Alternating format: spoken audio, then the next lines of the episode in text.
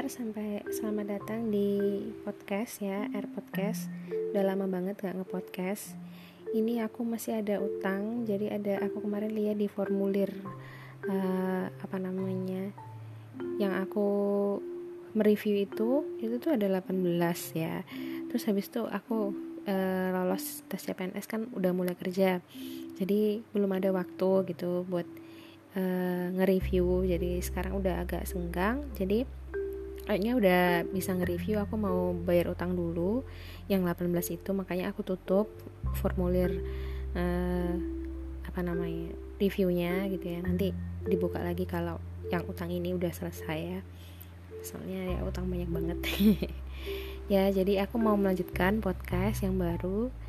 Uh, ini ada akun yang mau aku podcast itu namanya SS S triple S ya triple S A Akalade. Nanti aku tulis di description ya. Jadi teman-teman kalau ingin baca bisa langsung ke akunnya. Uh, judul ceritanya adalah Indurasmi Batavia. Oh, kayak ini anu ya apa namanya? Uh, historical ya dari judulnya. Oke okay kita lihat ya. Uh, viewnya 21,3 lumayan ya. Ada 31 bab. Udah tamat belum ya ini tidak tahu. Kita lihat dulu.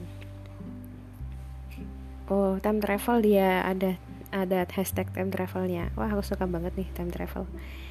Judul eh, kita baca bukunya Batavia Hindia Batavia Hindia Belanda tahun 1903 semua tentang kamu adalah pesona Nona.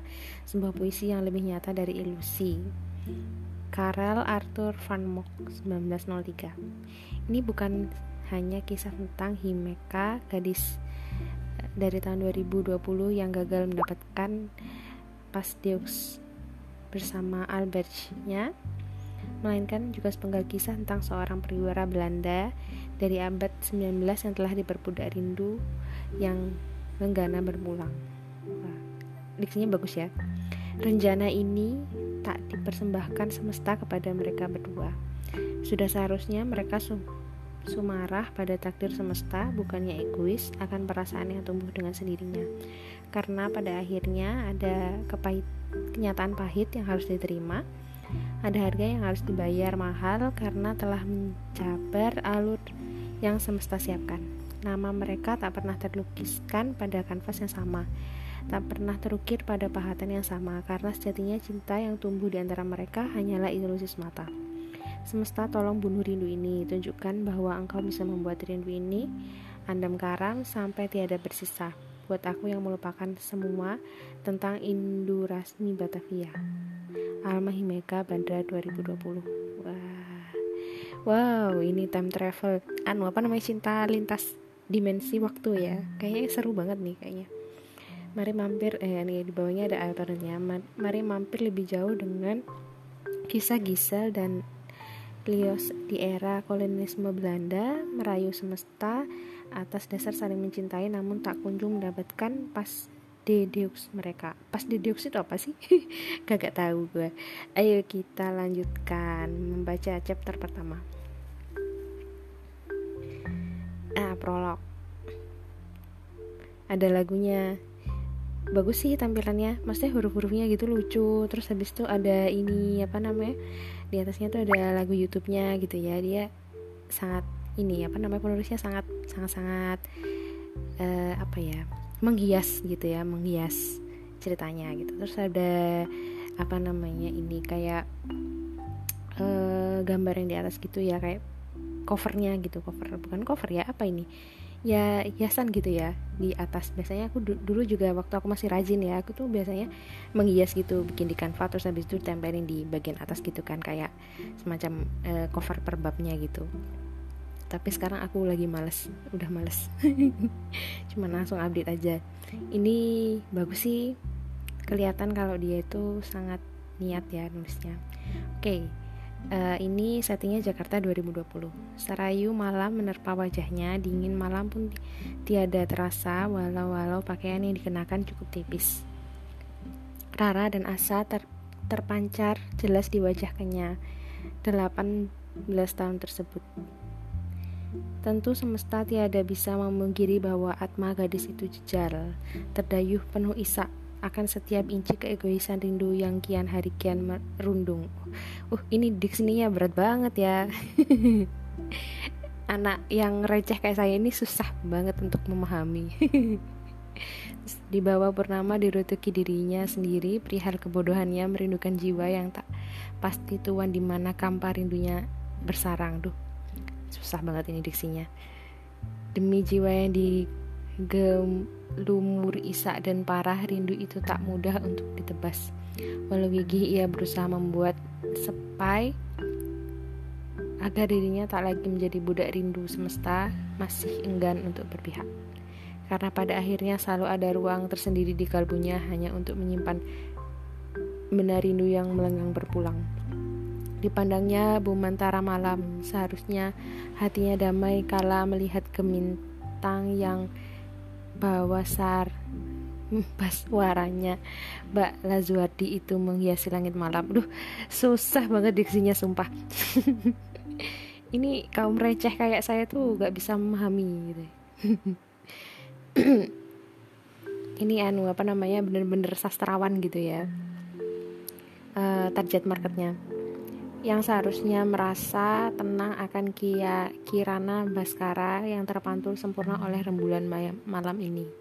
Namun apa daya budak rindu yang satu ini malah memikirkan hal lain, memikirkan tentang seberapa kuat ia mampu membopong rindu bagai alana penuh as amarah sendirian, memikirkan apakah ia egois jika meminta lebih kepada semesta. Kini di bawah langit malam Jakarta. Tidak. Bersama Indu Rasmi Batavia. Apa aku gak ngerti sih sebenarnya Indu Rasmi Batavia itu maksudnya apa ya. Oke, kita lanjutkan. Apakah pantas jika ia meminta asmara loka untuk dirinya sendiri kepada semesta? ini bahasanya ini ya kayak bahasa-bahasa diksi yang jarang dipakai ya asmara loka itu kayak Sanskerta nggak sih ya kita lanjut ya apakah sem semesta sudi menerima permohonan hampanya agar bersama Rinai Hujan hadir sosok penuh af afsun yang merupakan reinkarnasi dari Tuan pemilik rindu agar ia tak perlu lagi memeluk lembut duri-duri mawar ini sendirian atau jika permohonan gadis itu terlalu hina untuk dikabulkan semesta, maka ia masih menyimpan satu permohonan terakhir. Jadikan ini sebatas mimpi, ilusi sesaat yang akan segera terlupakan seiring waktu. Bunuh rindu yang bersarang ini, jangan biarkan ia merasuki jiwa dengan brutal dan meringkuk dalam diri. Semesta, tolong bunuh rindu ini. Tunjukkan bahwa engkau bisa membuat rindu ini adem garam sampai tiada bersisa. Buat rindu itu melupakan semua tentang Induras Batavia. Kisah 2020. Oke. Ini prolognya. Terus di bawahnya masih ada ternyata. Indurasmi itu sinar rembulan. Katanya. Batavia namanya diberikan orang Belanda pada koloni dagang yang sekarang tumbuh menjadi Jakarta ibu kota Indonesia ya jadi Batavia itu adalah e, namanya Jakarta zaman jadul ya dulu itu namanya Batavia waktu zaman kita masih dijajah Belanda sekarang namanya Jakarta Indorasmi itu ternyata artinya adalah sinar rembulan. Jadi sinar rembulan Batavia gitu ya. Sinar rembulan yang menyinari Batavia gitu kali ya. Intinya gitu. Pokoknya dia itu rindu sama Batavia. Karena temanya time travel aku menebak dia time travel ke Batavia terus ketemu sama cowok jadi dia rindu gitu ya. Intinya kayaknya gitu. Tapi bahasanya puitis banget gitu. Kamu receh tidak memahami. Ayo kita langsung. Ini prolog ya. Kalau dari prolog sebenarnya ini uh, target marketnya adalah orang-orang yang sangat mengerti sastra ya. Kalau orang-orang sastrawan mungkin merasa ini tulisannya adalah tulisan yang sangat bagus gitu ya karena diksinya juga uh, keren gitu ya. Diksinya itu nggak monoton keren banget diksinya. Sangat-sangat jarang dipakai gitu ya kata-katanya. Hmm, ini kayak puisi depannya. Kalau menurut aku ya seperti itu kira-kira ya. Tapi kalau aku karena aku kaum receh jadi aku susah memahaminya ya. Aku sukanya yang biasa-biasa aja gitu. Sukanya yang romcom gitu ya. Jadi ini kita coba uh, baca chapter selanjutnya. Oke. Okay. sebenarnya kalau kita apa namanya uh, target market itu kalau di Wattpad gitu ya kalau cerita di Wattpad itu yang seperti ini tuh kurang disukain gitu ya. Karena tahu sendiri kalau di Wattpad itu rata-rata pembacanya adalah usia uh, 13-18 ya paling banyak. Kemudian ada 18 sampai 24 dan 13-18 ya mereka masih anak SMP SMA gitu eh, yang banyak dibaca kan tahu sendiri kan ya, ya teen fiction gitu ya. Dan yang uh, apa namanya eh, cerita-cerita yang diksinya itu sederhana gitu, yang receh-receh gitu kayak diriku ini, itu tuh uh, lebih banyak, lebih mudah mendapatkan uh, attention dari pembaca gitu. Kita lebih mudah dinotis sama pembaca kalau kita pakai edisi yang biasa aja. Jadi sebenarnya kalau ini itu pangsa pasarnya kurang cocok sama pangsa pasarnya di Wattpad ini menurut aku. Tapi ya nggak masalah gitu ya kita nyari membentuk pasar itu sebenarnya bisa membentuk pasar sendiri cuman kalau di Wattpad itu sebenarnya kurang pas gitu ya mungkin di, bisa dikirimkan ke penerbit itu lebih cocok ya karena ini nyastra banget kayaknya. Tapi belum tahu ya karena itu tadi masih prolog kita lanjut lagi ke ceritanya. Oh ya jadi di atas tuh selalu ada quotes quotesnya gitu ya. Cantik banget. Cantik banget ininya apa namanya e, tampilannya wetpadnya. Batavia 1903 bukan aku yang memilihmu liris seorang pria bertubuh jangkung dengan suara bariton yang khas dipandangnya dengan penuh cinta gadis yang menawan hati di hadapannya. Matanya yang tajam jelas memancarkan agah penuh afsun dan asa. Afsun itu apa sih? Oke kita lanjut ya. Lalu diraihnya tangan gadis lembut saling menautkan jemari mereka menghangatkan diri masing-masing akan dinginnya banyu malam. Sementara pria tersebut menaruh harapan menaruh harap besar akan dia tanya eh dai tanya gadis itu justru enggan menatap dia tidak mau cabar alur yang telah semesta siapkan eh, dia tidak mau campur alur yang telah semesta siapkan. Dia sadar betul bahwa pria di hadapannya bukanlah takdirnya. Oh. Pria itu bukanlah jiwa yang namanya terukir dalam buku takdir semesta yang dipersembahkan untuk mengisi separuh hatinya. Bukan, ini salah, semuanya salah. Bahkan Indurasmi malam ini pun tiada bisa menyangkal perihal kesalahan mereka berbuat. Temaram sinarnya seolah mendelik kesal pada dua instan yang begitu angkuh membatah kuasa semesta. Rencana ini tak dipersembahkan semesta kepada mereka berdua. Sudah seharusnya mereka sumarah pada takdir semesta. Bukannya egois akan perasaan bodoh yang tumbuh pada dengan dirinya. Mereka bodoh bahkan pantas saja itu dikatakan terlalu bodoh antara diri dan hatinya. Acap kali bersawala penuh ketegangan jika membahas soal cinta yang bisa membuat siapa pun menjadi lupa diri. Lalu, gadis itu buka suara. Suaranya terdengar samar-samar dan parau karena tak kuasa menahan tangis. Kini telah terbentuk anak sungai di pipinya. Tentu saja ia terlalu candala pun jua hina jika meminta sang waktu untuk berhenti sejenak. Sejujurnya ia sungguh ingin bersama pria di hadapannya lebih lama, sedikit lebih lama. Semesta yang memilihkanmu untukku, bukan aku. Kau tahu ini takdir kita, Gisel. Persetan akan kata takdir itu. Jika mereka memang ditakdirkan tentu tidak akan ada cinta yang berujung saling menyakiti. Tidak akan ada air mata yang membanjiri pipi karena takut akan kehilangan. Gadis itu menggelengkan, menggeleng yakin. Nestapanya sesak, sementara kalbunya malah. Rupanya pria di hadapannya tak kunjung mengerti bahwa cinta mereka hanyalah memberikan belati yang siap membunuh masing-masing dari mereka kapan saja. Nama kita tak akan pernah dilukiskan dalam kanvas yang sama. Aku dituliskan dengan tinta semesta. Tidak, eh atau dituliskan dengan tinta semesta. Tidak. Kau pikir kenapa kau ada di sini? Kenapa ini takdir semesta? Karena ini takdir semesta. Kau ada di sini karena semesta telah mengirimkan separuh jiwaku. Separuh jiwa katanya, cinta saja tidak cukup untuk menebus portal semesta merayu semesta hingga dia mengizinkan kita bersama. Tidak bisa.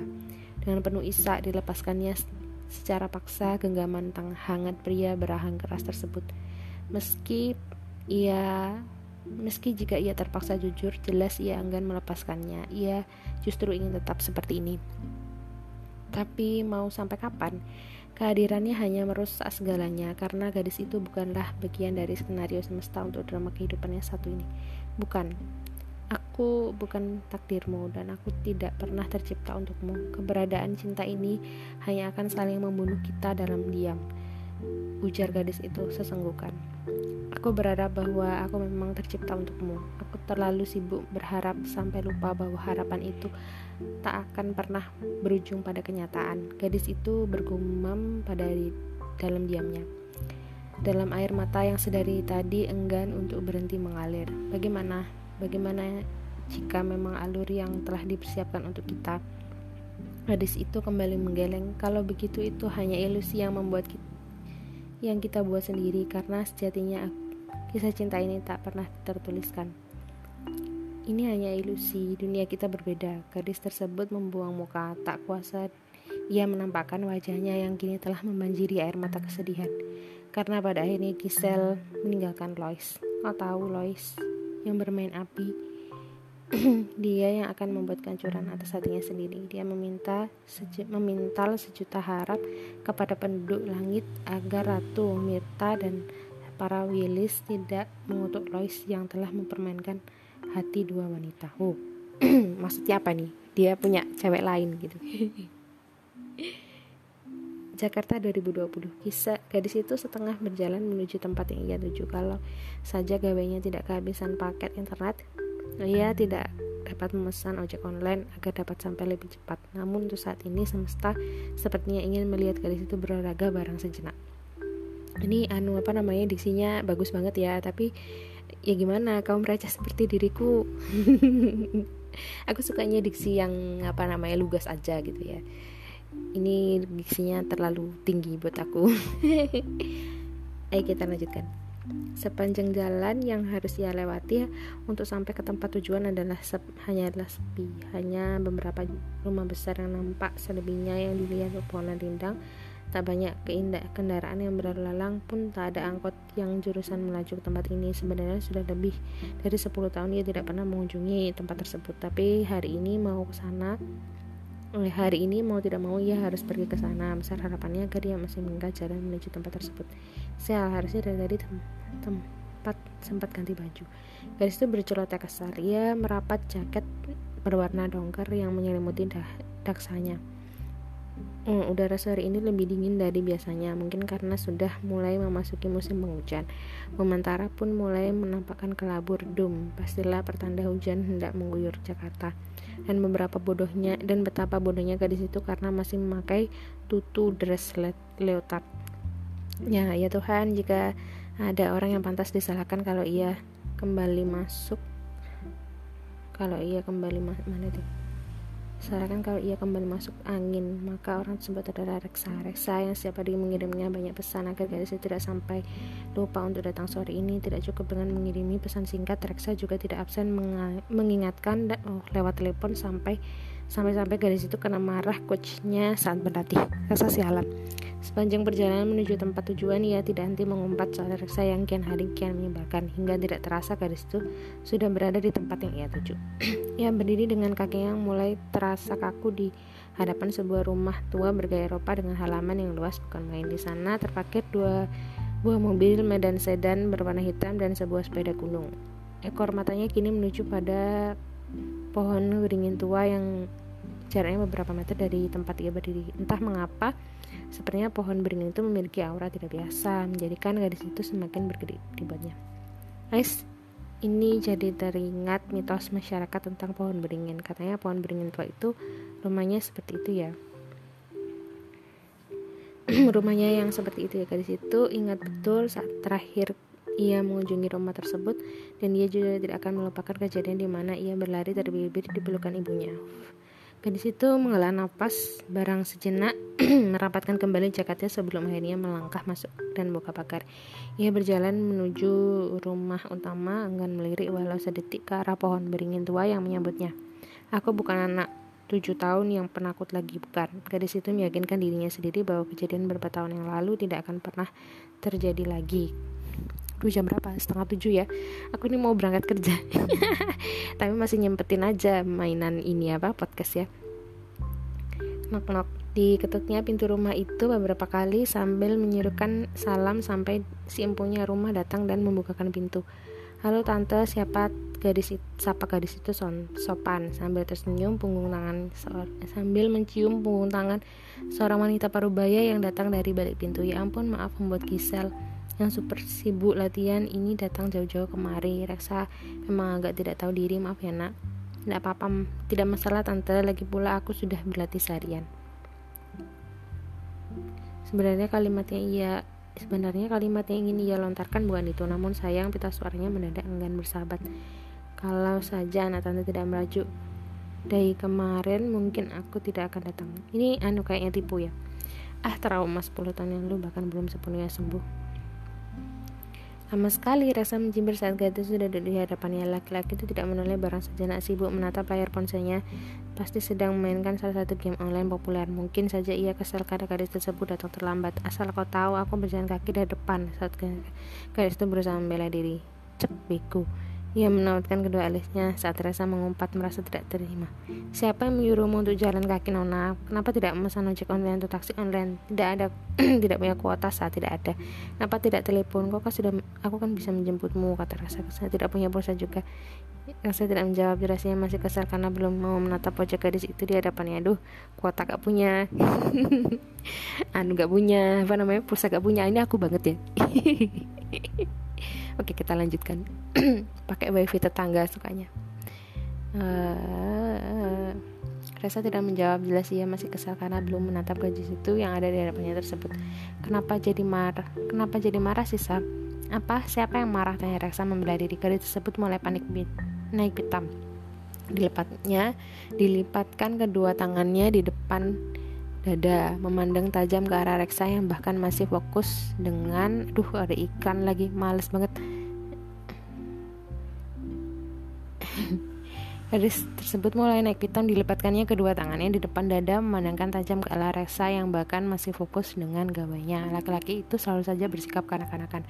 Tidak perlu berlagak sak bodoh sak apa yang apa kau masih ingin ke, ingat kejadian 10 tahun lalu sampai sekarang aku trauma tiap kali melihat pohon beringin besar dan coba lihat sekarang aku ada di sini gara-gara siapa coba aku berhasil melawan trauma aku dan memberanikan diri datang ke tempat ini lagi karena Musa lalu dengan menyebalkannya aku malah merajut tidak jelas seperti saat aku datang. Resa diam dan tidak menggubris.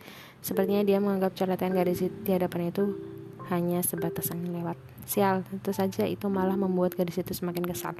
Oke, aku minta maaf karena aku datang terlambat. Aku minta maaf karena aku tidak memiliki paket data atau pulsa yang cukup untuk menghubungimu. Rasa mengembuskan nafas kesar. Ia mengatakan gawainya sembarangan, sembarang. Lalu meraih bantal sofa di sebelahnya tanpa berpikir panjang langsung melemparkannya sampai mengenai wajah gadis itu di depannya. Waduh, jahatnya cowoknya ini. Aku khawatir bodoh justru karena aku ingat kejadian 10 tahun lalu makanya aku khawatir maaf lir garis dulu gimana? Dia khawatir tapi dia yang marah. Gak jelas nih cowoknya. Kok baperan gini? Ya kita lanjutkan. Maaf lir garis itu. Tuh kan? Tuh kan? Pada akhirnya selalu aku yang mengalah dan minta maaf lebih dulu. Ini kayak lagunya apa namanya? Lagunya Mawar Rejong itu ya apa sih judulnya? Oh aku yang minta maaf walau kau yang salah. Ayo kita lanjutkan baca. Duh telat kerjain nanti. Tapi puasa ya masuk jam 8 pada akhirnya aku mengalah dan minta maaf lebih dulu. Cek cek laki-laki macam apa kau ini reksa? Esa mendengus kesal. Ia beranjak dari sofa berwarna marun yang sempat ia duduki. Ekor matanya yang tajam menatap gadis yang masih nyaman dengan posisi duduknya memberi isyarat agar gadis itu ikut beranjak dan mengikutinya, tidak meninggalkan sepatah kata pun. Esa berjalan dengan kedua eh, mana tuh? Resa berjalan dengan kedua tangan dimasukkan dalam saku celananya. Ia berjalan cepat sementara gadis tersebut mengikutnya di dari belakang. Reksa mendorong engsel pintu yang catnya mulai memudar. Pintu itu terbuka dan mengeluarkan dicitan yang kurang nyaman didengar. Ia masuk ke dalam, disusul gadis itu di belakangnya. Sementara Reksa membersihkan debu pada sebuah sofa tua dengan tangan seadanya. Gadis itu tersebut masih dengan ekspresi tajuk Semenjana mulutnya ternganga, Reksa duduk dengan kaki yang sengaja ia silangkan di sebuah sofa tua. Digelengkan, geleng-geleng kepala melihat ekspresi gadis di hadapannya. Kenapa? Tanya Reksa. Kenapa tidak pernah cerita soal ruangan ini? Rasa makan bau. Sebenarnya aku juga baru tahu satu tahun yang lalu. Gadis itu melemparkan pandang ke arah Reksa. Setahun lalu, kenapa tidak pernah memberitahu aku? Kapan coba kau ter terakhir kali ke sini saat kita kelas 1 SD kan? Kalau aku cerita, takutnya kamu malah ingat kejadian waktu itu. Jelas Reksa, ingat ya, aku ini super peka, tambah Reksa bangga. Sahabatmu ini terlalu baik, kata Reksa lagi. Tetap saja, harusnya cerita. Bisa bisa bisanya kamu menyembunyikan ruangan yang keren seperti ini kak, dari aku. Ah, aku ini sahabatmu atau bukan sih? Tanya gadis itu kesal. Oh mereka sahabatan doang cuy, kirain pacaran. Oke lanjut. Rasa menghapuskan nafas. Aku menyuruhmu datang ke sini Untuk bantu beres-beres Bukan yang mau seperti ibu-ibu komplek Saat reksa Demi jiwa yang jatuh Karena terlalu rapuh sungguh. Kalau ada kontes manusia paling menyebarkan seantero semesta Pasti reksa alamnya dan gelar pemenang. Oke. Oke ini aku sudah telat Jadi aku coba sampai bab ini aja ya.